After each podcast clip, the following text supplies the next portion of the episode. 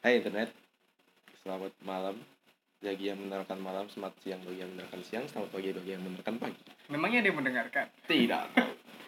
ya kali ini kami dari orang-orang yang jenuh membuat sebuah podcast yang ya tidak berguna-guna amat lah. Iya. iya.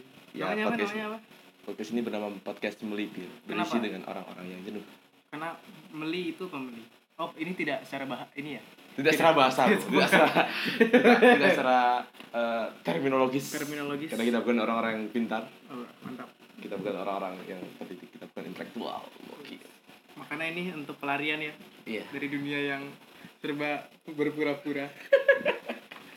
Agar kita bisa Iya, seperti itulah. Ya karena menurut kita itu dunia itu terlalu busuk. Soalnya ini udah kematangan nggak diambil ambil. Iya. Jadi busuk gitu. Dia siapa pun yang mendengarkan gitu. Ini bukanlah rekaman SOS orang yang terdampar bukan. Bukan. ini bukan seperti di eh, film-film apa tiba-tiba anda men- mendapat rekaman terus ternyata rekaman itu adalah perintah sebuah misi untuk anda lalu beberapa menit kemudian rekaman ini berbusa gitu. itu di, seperti di Sesame Street ah, ya. iya dulu rekaman iya. Jalan Sama. sesama. di jalan sesama Apa itu ulang? jadi ya apa perlu mem- mem- memperkenalkan diri nih sih Tidak, nggak perlu lah. eh perkenalkan lah Ya udah. ya saya Yos saya Yosefat Dan saya ada Matthew. eh lu kan Dono Bukan. Gimana sih? Sesuai pamflet dong. Iya. Nama dia adalah eh eh, Donnarumma Daniano, panggil Dono. Ya karena saya tidak tahu. Kenapa? I don't know.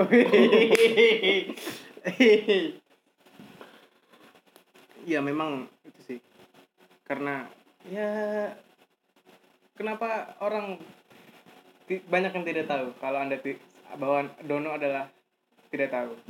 Karena saya tidak tahu. Salah. Apa? Coba kita pecahkan. Oh, bukan bukan crack and egg, bukan. Bukan. Sungguh first impressionnya Iya, sangat buruk ya. Ini pendidikan mahal, makanya Anda tuh harusnya tuh Anda tuh kuliah yang benar. Anda tuh makanya nanti dari nama Dono itu menjadi eh Ano, eh, ano. mm, ini bukan. Apa? Dari jadi ini. Sekarang sekarang ini, sekarang kaki. No leg. Jadi- jadi knowledge yoi knowledge Bagus, Mak- bagus. maksud saya, maksud saya itu knowledge gitu iya kan Iya. ya nggak sih sekolah bikin pinter nggak sih Enggak. kenapa Apa ya? Sekolah itu menurut gue tuh cuma sebuah pelarian dari orang-orang yang gabut sih. kalau gua nggak sih kayaknya sekolah ini sih. Sekolah apa ya ya wajib aja gitu. Kayak orang orang tua kan selalu bilang apa ya menurut gua orang orang tua tahu loh kalau kalau sek- sekolah itu nggak pen- nggak penting. Iya. tahu nggak? Tapi kayak ah anak gua kalau nggak nggak nggak sekolah ngapain ya? Kayak sekolah aja gitu. Jadi sekolah, gitu gitu. sekolah sekarang tuh udah berpindah orientasi. Iya, apa ya? Karena padahal di awal ada orientasi coba. Iya, Lu bayangin, lu bayangin. Masa orientasi Coba lu bayangin. berpindah orientasi ada gitu. masa orientasi siswa tapi ternyata pas ngalamin sekolahnya teh orang apa orientasinya salah gitu bayangin. Coba lu bayangin gitu. Iya. Di briefingnya apa gitu? Bayangin aja lu pernah mikirin nggak? Dulu kalau sekarang kan kita kuliah kita kuliah atau sekolah kan buat nyari ijazah. Bayangin aja dulu pas zaman zaman Belanda. Emang ada orang orang orang pribumi itu yang mereka memperjuangkan na- nasibnya itu saya pengen kuliah saya pengen sekolah biar Iya. saya dapat ijazah Iya, Ini bener nggak juga ya, ada ya. mending mereka kerja buat makan lah. Iya sih tapi dari zaman Belanda sampai sekarang yang nggak berubah tau nggak lu apa? Tau nggak lu apa? Apa cuy Eh, keinginan kita untuk jadi PNS dan dan kuliah itu sepertinya menunjang ke arah situ bro. Ya nggak? Lu Ya, bayang ya kan? sih. dari dulu kan dari zaman Belanda kan ini orang pengen ini kan pengen masuk ke lingkup eh, lembaga. iya. Lu coba lu gini logikanya. Pengen jadi Indo lah pengen jadi Nih, Indo gini bukan pribumi. Ah, ah. Peng- jadi lebih ningrat lah kelas. iya pengen jadi Indo. Eh, Belanda itu kan nggak nggak gede-gede amat lah. Kecil banget kalau dibandingin Nusantara gitu. Iya itu aja neg- di- negeri di bawah air laut. Iya di kalau itu Lu iya pe- bener-bener iya gue pernah liat video itu anjir. Iya makanya. kayak di bawah banget ya. Lu pecahin aja tuh, pecahkan kan saja. biar ramai bangsat. Dan begitu Rangga. Itu yang kamu cinta goblok. oh iya. Biar begitu pecahkan saja biar ramai. Melihat eh, malaikat membersihkan sarang laba-laba keraton kayak. Iya. ngapain itu? Lu bayangin coba nih logikanya ya Belanda dengan dengan apa luas negara yang segitu otomatis kan orang yang tinggal di situ juga sedikit. Dibandingkan sama Hindia Belanda nih jajahan mereka. Mm-mm. otomatis mereka kan harus ngangkut banyak kepegawaian dari itu dong. Dari pribumi lah. Iya. kalau pribumi dari tiga etnis kayak eh, yang dulu Cina. Chinese Arab sama India. India itu kan. Dan pribumi empat empat empat itu empat etnis Empat itu kan yang yang itu. Jadi menurut gua sih menjadi PNS tidak ada tidak akan ini sih tidak akan mati. Sih salah satunya itu sih kata gua karena fungsi kuliah itu sih kayaknya. Agar kita menjadi PNS ya. Peg- pegawai negeri santuy ya. Iya. kayak digaji gitu kayak pulang. Oh, buat ah, ini ngomong gini boleh nggak sih? Kayak gue gue nggak nggak nggak mengdiskreditkan ini sih. PNS PNS lah. PNS hebat kok banyak yang keren lah PNS tuh saking kerennya bikin mertua tersemsem ya. Heeh, gitu kayak kayak bikin kayak sekarang stereo- stereotipnya itu gini. Lu mau kerja lu mau kerja enak lu mau hidup enak daftar aja iya PNS ada PNS kalau enggak ya apa sih ke kedok apa sih yang bisa jadi yang bisa meyakinkan hati mertua? Kedokteran. Nah itu. Itu. Kan apalagi kalau lu bisa masuk ke lingkup kayak daerah gitu apa rumah sakit umum daerah gitu kan jadi udah jadi udah dokter PNS wah gila itu itu bisa bi- punya bini empat itu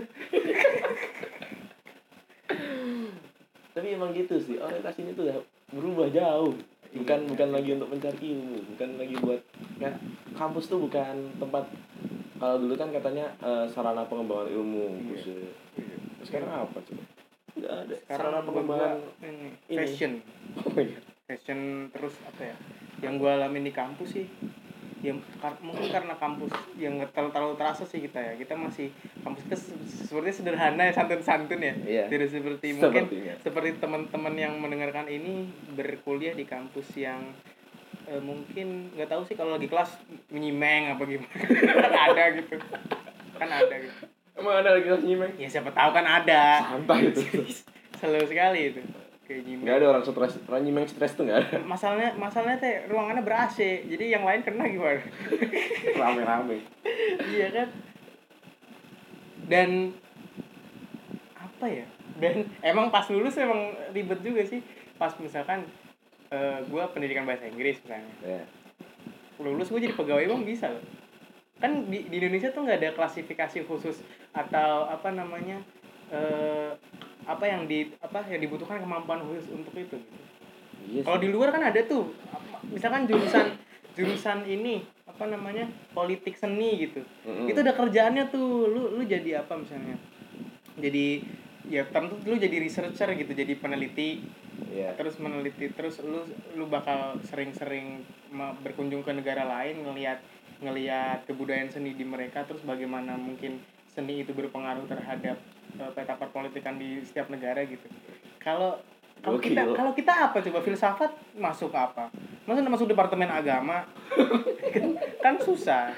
filsafat itu paling menjadi penulis Iya, kalau buka warung kopi dah. aduh bang Iya kan, kalau jurusan sastra Indonesia gitu. Jurusan sastra Indonesia kan kalau di ini ya, kalau di luar mah ya ya kalau di luar ya umumnya jadi dosen. Kalau di Indonesia juga bisa deh kan jadi dosen. ya Terus jadi ya jadi editor. bisa Oke, itu masih masuk gitu.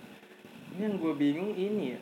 Gua tapi pekerjaan kayak gitu itu adalah salah satu pekerjaan yang sangat sangat sangat sulit kenapa sulit apanya? Sulit. karena karena Ber- iya benar. menurut data aja orang Indonesia tuh salah satu negara yang paling malas berbaca Ah, gitu. minat bacanya itu selain orang Arab ya. Kalau orang Arab setahun baca tiga lembar. Oh, rasis baca. Baca tiga lembar gitu. Pansannya nih, kalau Israel bikin kebijakan mungkin gini ya. "Ah, lu ngapain lu bikin kebijakan gini ntar dibaca orang Arab? Anda kan tahu sendiri. Arab setahun baca tiga lembar doang. Oh iya bagus betul juga gitu jadi. makanya itu Arab itu itu ya lama ya kalau bikin kebijakan kan lama itu Udah jadi ngomongin politik ini. aduh balik balik. ya jadi kerjaan yang dalam tanda kutip tidak ada masa depannya gitu ya pertama Iya. kerjanya kerjanya ini misalkan jadi editor Hmm. editor tulisan itu kan kerja berarti kan berbulan-bulan iya bener belum lagi kalau dia misalnya ke sastra Inggris gitu dia penerjemahan nerjemahin ini nerjemahin apa namanya eh, teks bahasa Inggris gitu Hmm. Nerjemahin eh, karya siapa misalnya Ernest Hemingway apa siapa Oke, gitu terus ya. itu kan butuh berbulan-bulan soalnya nggak kan interpretasinya harus pas gitu kata-kata pilihan Hmm. katanya dan segala macam harus pas dan uangnya juga yang Nggak, yang banget. nggak segede nggak segede lu jadi pegawai bank yang setiap bulannya itu gitu Iya. gue pernah ikut seminar cuy. Apa? Sih apa ya? gila. Gila men. Pegawai bank itu gajinya bisa kalau udah dia di- udah di pusat itu bisa sampai saat ratusan juta men. Anjir padahal dia bisa jadi lulusan pertanian.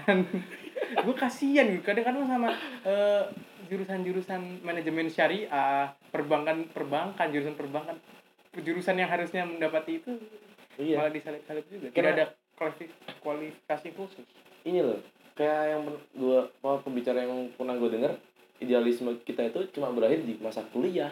betul juga iya sih Iya, karena kita kuliah tuh kan pertama kita kuliah tuh sesuai dengan passion kita lah ibaratnya. iya Buat orang-orang yang tidak dipaksa sama orang tuanya, Mm-mm. sesuai sesuai dengan passion kita. Gue pengen banget nih, gue pengen banget banget masuk iya masuk psikologi gitu. Terus pas udah semester sudah semester 9 oh anjing mau ngapain dulu ya? Pasti mikir kan kayak teman-teman yang lain udah pada Enggak usah semester 9 abis UTS semester 1 aja Iya, terus kayak, gitu. kayak gue kayak gue tersesat gitu ya. Heeh. Wah gimana nih gitu. Mau SBMPTN tahun depan udah udah ini, enggak, udah udah bego. udah bego, susah lagi gitu. Beda penerap sistemnya juga beda gitu. Iya, aduh. Jadi ya gimana gitu loh. Iya gitu. Kayak Selesai, jurusan selesai kita kan berkuliah dengan sesuai dengan passion kita, sesuai dengan keinginan kita, minat. Habis itu kita keluar kerjaan ya sedapatnya. Iya bener juga sih. Iya, maksud gua ya mau nggak mau kita harus ngidupin yang ngidupin perut paling nggak ya. Iya. Kalau ya, Perut, ki- iya. kita kan belum kerja nih kita tahu gitu. Kayak bapak kita banting tulang buat nyokolain kita dan segala macam Heeh. segala macam gitu. Menurut gua ketika kita udah berkeluarga kayak gitu udah mungkin yang jadi yang jadi idealis yang kan idealisme kan apa yang jadi ideal buat Heeh, kita iya. gitu mungkin yang bapak kita juga dulu idealis mungkin Bisa jadi. bisa jadi kan terus kayak eh kayaknya gue harus ngidupin anak gue nih kayak gitu gitu kan Bagus. apa yang ideal buat bapak kita akhirnya kan ini akhirnya bagaimana anak gue bisa hidup layak dan pada akhirnya lebih baik dari dia gitu Ya, iyalah. Dan padahal ya tahu sendiri ya mungkin ya pendengar tahu semua orang tuh bersikap menyebalkan soal kadang-kadang soal pendidikan kan ya Iya. Iya kayak gue nggak ngebayangin gitu eh, orang yang jurusannya sastra Inggris itu lulus dan dia memilih untuk menjadi sapi laut atau apa buruan buruan. ya misalkan suatu hari nanti apa namanya Google Google udah bisa menerjemahkan semua teks Inggris eh, teks asing secara ini secara benar Benar. apa namanya absolutely correct Eh, Asik. gokil. absolutely correct gitu Tahu Inggris. apa namanya eh terus sastra Inggris tuh udah apa orang-orang yang kuliah di sana tuh udah putus asa dan satu ada satu cuman ada satu gitu kayak Pain Akatsuki dan Sapi Laut dan Lebah Ganteng gitu. Kayak harus bikin teks gitu lulusan lulusan gitu. Harus masarin itunya di punya harus membangun web- website mereka sendiri. Tapi film-film ilegal gitu mungkin itu. Dan gua rasa itu bakal lebih menguntungkan sih daripada Tapi kalau tadi lu apa namanya nyinggung masalah soal Google yang dia suatu saat mungkin bakal bikin kayak absolutely correct gitu ya. Hmm. Mungkin- absolutely Absolutely. absolutely correct Mungkin itu salah satu kiamat sih.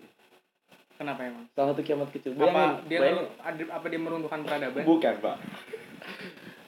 Kalau menurut gue tuh semakin tinggi peradaban, semakin tinggi teknologi, bakal semakin kecil kemungkinan manusia hidup. iya gue setuju ya contohnya aja entah kenapa ya hal-hal yang hal-hal yang besar hal yang hebat itu ini ya apa namanya menjadi kalau udah sering kita lihat jadi biasa aja gitu. Apalagi apalagi Iya, bener, bener. apalagi itu loh manusia manusia manusia Indonesia gitu manusia negara kita gitu. Kayak gue dulu zaman SD gitu gue liat kipas angin kayak gitu gitu yang bunyinya kayak gitu. Itu kayak gue takjub ini orang mikir dulu mikir apa gitu. Kalau lama-lama kan biasa aja gitu bisa kita bisa pakai WhatsApp di web gitu di komputer kan kita Iya, bilang biasa aja. gitu. apalagi zaman zaman BlueStack lu tuh nyalaman tuh ngalamin ngalamin Ngalamin, ngalamin kayak- Pustak, pustak. kayak HP tuh disita sama sama sama orang tua gitu. Kayak lu bela fokus belajar senin sampai jumat. Satu-satunya yang dikasih kita kan laptop. Nah, terus terus kita kita chattingannya di Bluestack. BlueStack gitu.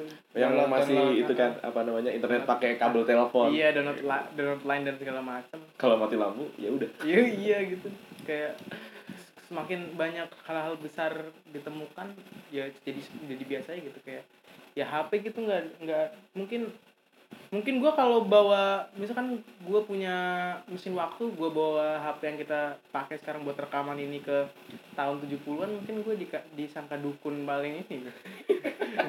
Gue datang ke kampung gua gitu ke ke Jawa ke Jawa Tengah gitu.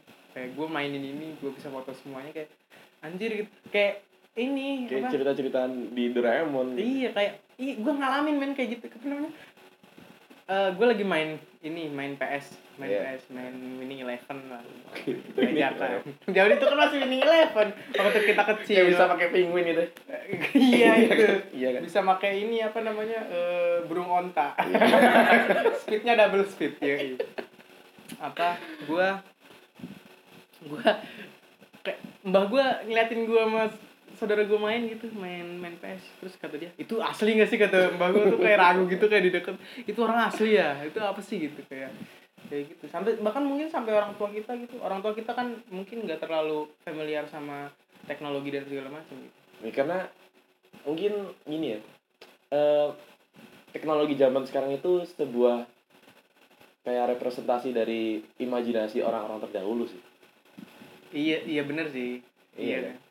Jadi Iya orang-orang dahulu itu cuma cuma Punya tahu kok punya punya konsep awal gitu eh, ya. eh, kebaca awal tapi dalam bentuk imajinasi ini ini bisa jadi nggak sih jadi Iya nggak sih kayak muncul-muncul di film-film zaman Eh, dulu kan iya. gitu kayak mungkin ka- ka- kayak ada kayak kayak gini keren Heeh. jadi mungkin ya gak bakal kaget sih kalau misalnya ntar ada mobil terbang gitu ada pintu ajaib apa gimana ada istri hologram Bos, mantap.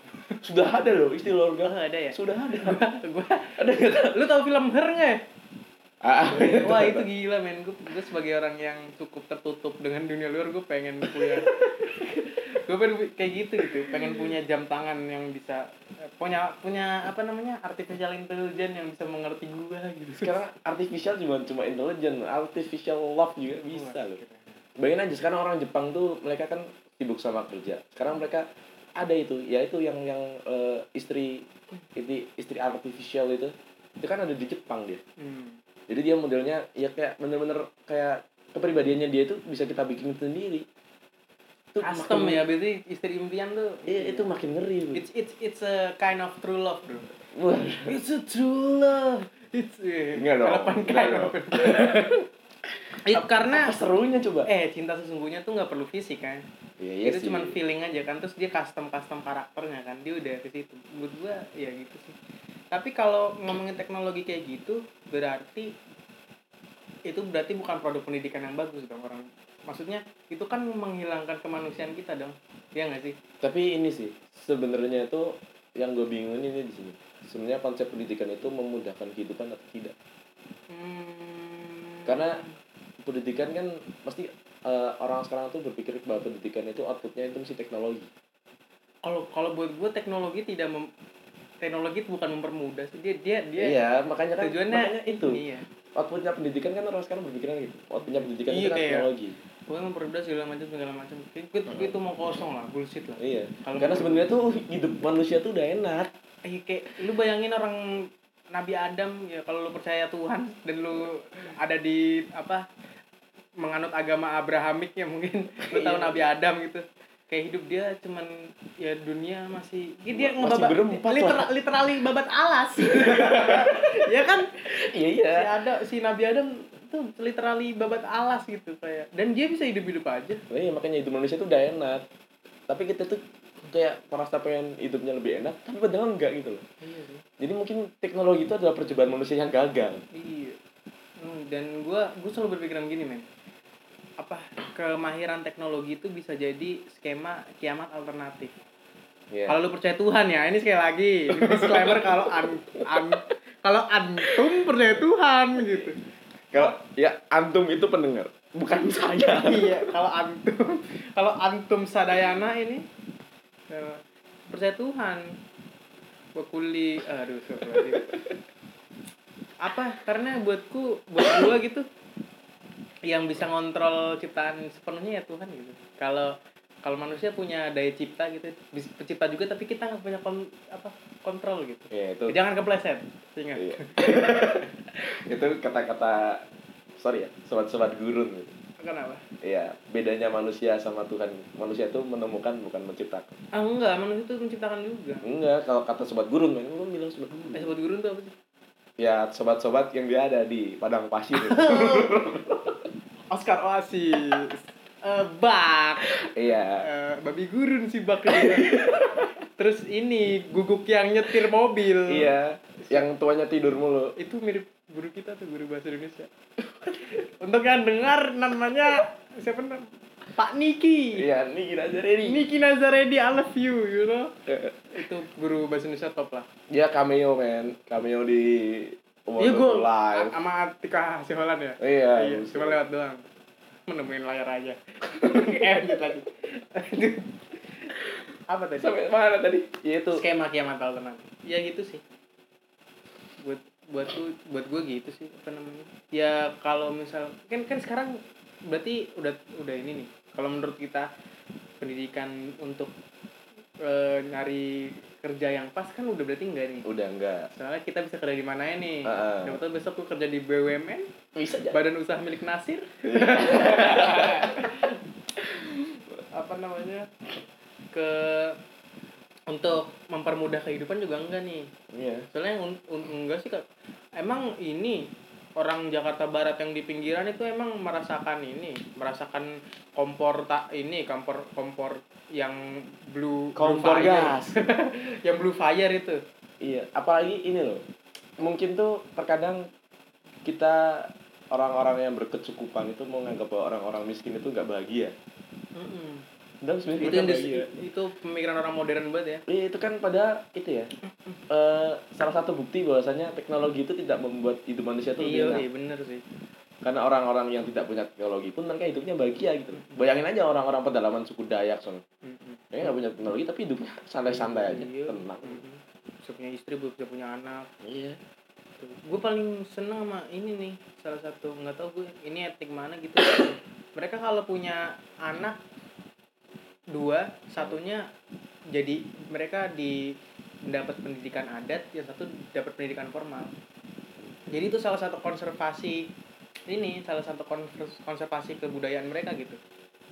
Jadi ada yang oke kita nggak menutup diri sama Dunia kemajuan zaman tapi kita juga membatasi itu. Jadi keren aja gitu kayak misalkan ada dua orang nih ada du- misalkan adik kakak yang yang kakaknya be- jadi ini jadi belajar ke adat itu keluar gitu Nanti Tapi akhirnya cukup- cukup- cukup kakaknya jadi pemangku adat, Ah, adiknya, adiknya adiknya jadi jadi, gitu. profesor gitu. bisa, Kira-kira. bisa gitu gitu berarti kalau kalau gue sih kalau misalkan berarti standarnya pendidikan tuh ini dong kalau buat gue ya harusnya membentuk orang jadi baik sih itu sih target Iya. target utamanya iya gak sih Iya target utamanya ilmu kan itu. kayak matematika gitu gue nggak pernah tahu gitu matematika buat apa tapi setelah gue setelah alhamdulillahnya tuh, ternyata matematika ya paling nggak biar eh, logika kita tertata aja kan Iya. Maksudnya ini baik ini ini bener nggak sih kalau nggak kalau misalkan apa misalkan kita mencari x diketahui y sama z ketika y sama z diketahui terus ditanya x kita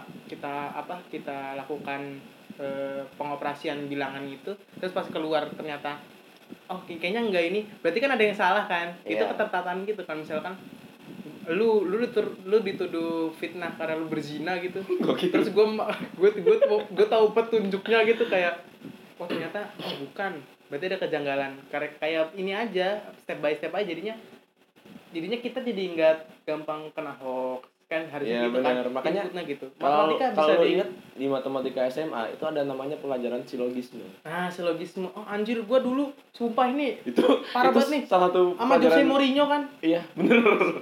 gue tau malamnya itu ya gue kan eh, by the way kita dulu SMA bareng Iya. di, as- di kita sekolah berasrama dulu Iya. gue belajar tuh begadang gue ini belajar semua metode sin yang ada di itu pas besoknya gue ngantuk set gue masuk ke ruang ujian gue kerjain anjir ternyata ini soal silogisme gampang banget kan? Makanya. Misalnya? Jika anak jika ani jika ani naik kelas maka ia di- diberikan mainan oleh bapaknya. Heeh. Ani tidak dibelikan mainan oleh bapaknya. Berarti Ani tidak naik kelas. bodoh berarti. Si Ani teh goblok gitu Gak naik kelas. Dicengin itu masih apa Itu ibunya malu gak sih masih ngambil rapot tuh? Iya kan? Dicengin sama teman sekelasnya teman sekelasnya yang dulu. Kan Iya. itu biasanya. Dulu biasanya tapi Nani- biasanya Hmm. anak yang nggak naik kelas tuh dia pindah loh. Iya. Kalau du- dulu gua gitu kalau dia sedih Lu gak naik kelas ya? bukan. Bukan. Bukan. Iya pindah. Tapi ada yang stay. Kayak ya gua- bodo amat lah bodo gua- amat kata-kata netizen. Enggak, dia dia bilang gini pasti kayak gue harus uh, sebagai seorang manusia yang gentle gitu yang yang apa yang tough gitu gue kayaknya harus mengakhiri apa yang gue I'm mulai. still worthy. Gua bilang. dan buktinya ketika kita udah gede orang-orang yang gak naik kelas kayak gitu-gitu malah jadi kalau menurut standar kesuksesan mereka sukses loh. Iya. Iya nggak? Iya daripada sih, orang iya yang bener. daripada orang yang tertib. Nah itu juga untuk membuktikan bahwasanya pendidikan kita tuh gagal. Nggak penting ya. Nggak penting. Jadi lu nggak Bayangin kalau orang yang dianggap mau- orang yang dianggap tidak sesuai dengan standar pendidikan tapi dia sukses. Iya, menurut kalau misalkan soal inilah, kalau sekarang kan jam sekarang tuh karena in- serba industrialis berarti kan materi lah. iya. Soal materi gitu sih. Iya, berarti pen- kalau lu mau kaya nggak harus sekolah berarti kan. iya bener. Iya, ya berarti ya buat gue sih itu kan sekolah juga kan dulu school ya kayak bahasa Yunani anjir. Ini podcast apaan sih buat buat buat bangsa kayak itu tuh waktu luang men. Arti sekolah tuh itu tuh artinya waktu luang. Jadi karena mereka jadi sekolah tuh sampingan aja itu sekolah tuh mengisi kegabutan nih Iya, perlu di bener, garis makanya. di garis bawahi gitu. Kayak sekolah tuh mengisi kegabutan misalkan lu udah aduh kayak gue malas main udah capek main gitu ya pakai sekolah gitu gitu. Sekarang tuh benar-benar seperti kayak hobi deh Dan- hobi itu kan mengisi kegabutan. Iya tapi dan Isi ini persamaan men ketika hobi lu udah jadi pekerjaan lu itu malah jadi nggak enak kan? Iya makanya. Lama-lama jadi jadi nggak bisa nggak bisa total bukan hobinya. eh, bukan hobi lagi. Apa pun yang berkaitan dengan Iya. apa ya reg- berulang lah repeat. Justru kata-kata orang yang bilang aku ingin bekerja sesuai dengan hobiku itu bullshit man. iya gitu itu bullshit lu bayangin aja Hidup tuh- gini orang yang dia jadi e-sport pemain-pemain e-sport iya lama-lama dia gumoh itu Wow, bosen cuy. main gitu Tiap hari mesti latihan Hmm, gitu. iya. Mainnya yuk itu itu aja. oh, itu itu ya, kayak Bosen gue aja sampai bosen. sampai apal tempatnya eh sini Iya, lagi sini lagi Sini lagi lah. Paling seru kalau udah turnamen. iya gitu Kalau udah menang dapat duit banyak. Itu doang. Itu lagi manusia ini manusia bosenan ya nah tapi enggak juga sih itu buktinya ini bapak lu sama ibu lu masih langgeng aja Iya, itu kan beda lagi Oh, iya. itu. Paling Bukan hobi itu. Palma bosen sebenarnya gimana lagi ya ya udah gitu Orang-orang yang terjebak sama pernikahannya. Ya kita nggak mau bahas itu ya buat sekarang. aduh astagfirullahaladzim mas kita masih umur belasan lah ya. Ya. Wah, udah berapa menit nih wah lumayan nih bisa nyerocos sebanyak ini gitu Semoga ada yang dengerin lah. Semoga denger eh ini ya sampai 30 menit aja lah Jadi pasti lah. dipasin Iya ganjil lah 30 menit plus satu detik kan Tuhan suka agak ganjil Gimana sih? Nggak perlu ganjil. Eh, genep nih. Nggak perlu ganjil apa genep ya? Jadi menurut teman-teman gimana gitu? Ada kolom komentar enggak ya? Kita nggak kayak youtuber Nggak. Nggak, nggak ada kolom komentar gitu Nggak ada.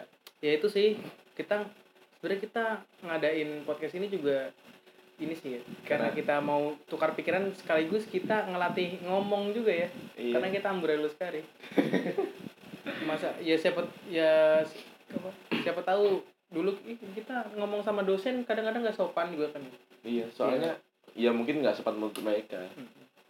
Standar padahal kesopanan mereka kan- yang nggak sopan sama kita. standar, standar kesopanan kan beda-beda. standar kesopanan. Ada standar dua kan? Ya, iya. badan bisa diangkat Astagfirullahaladzim apa astaga naga asgata asgata asgata. Ini apa sih?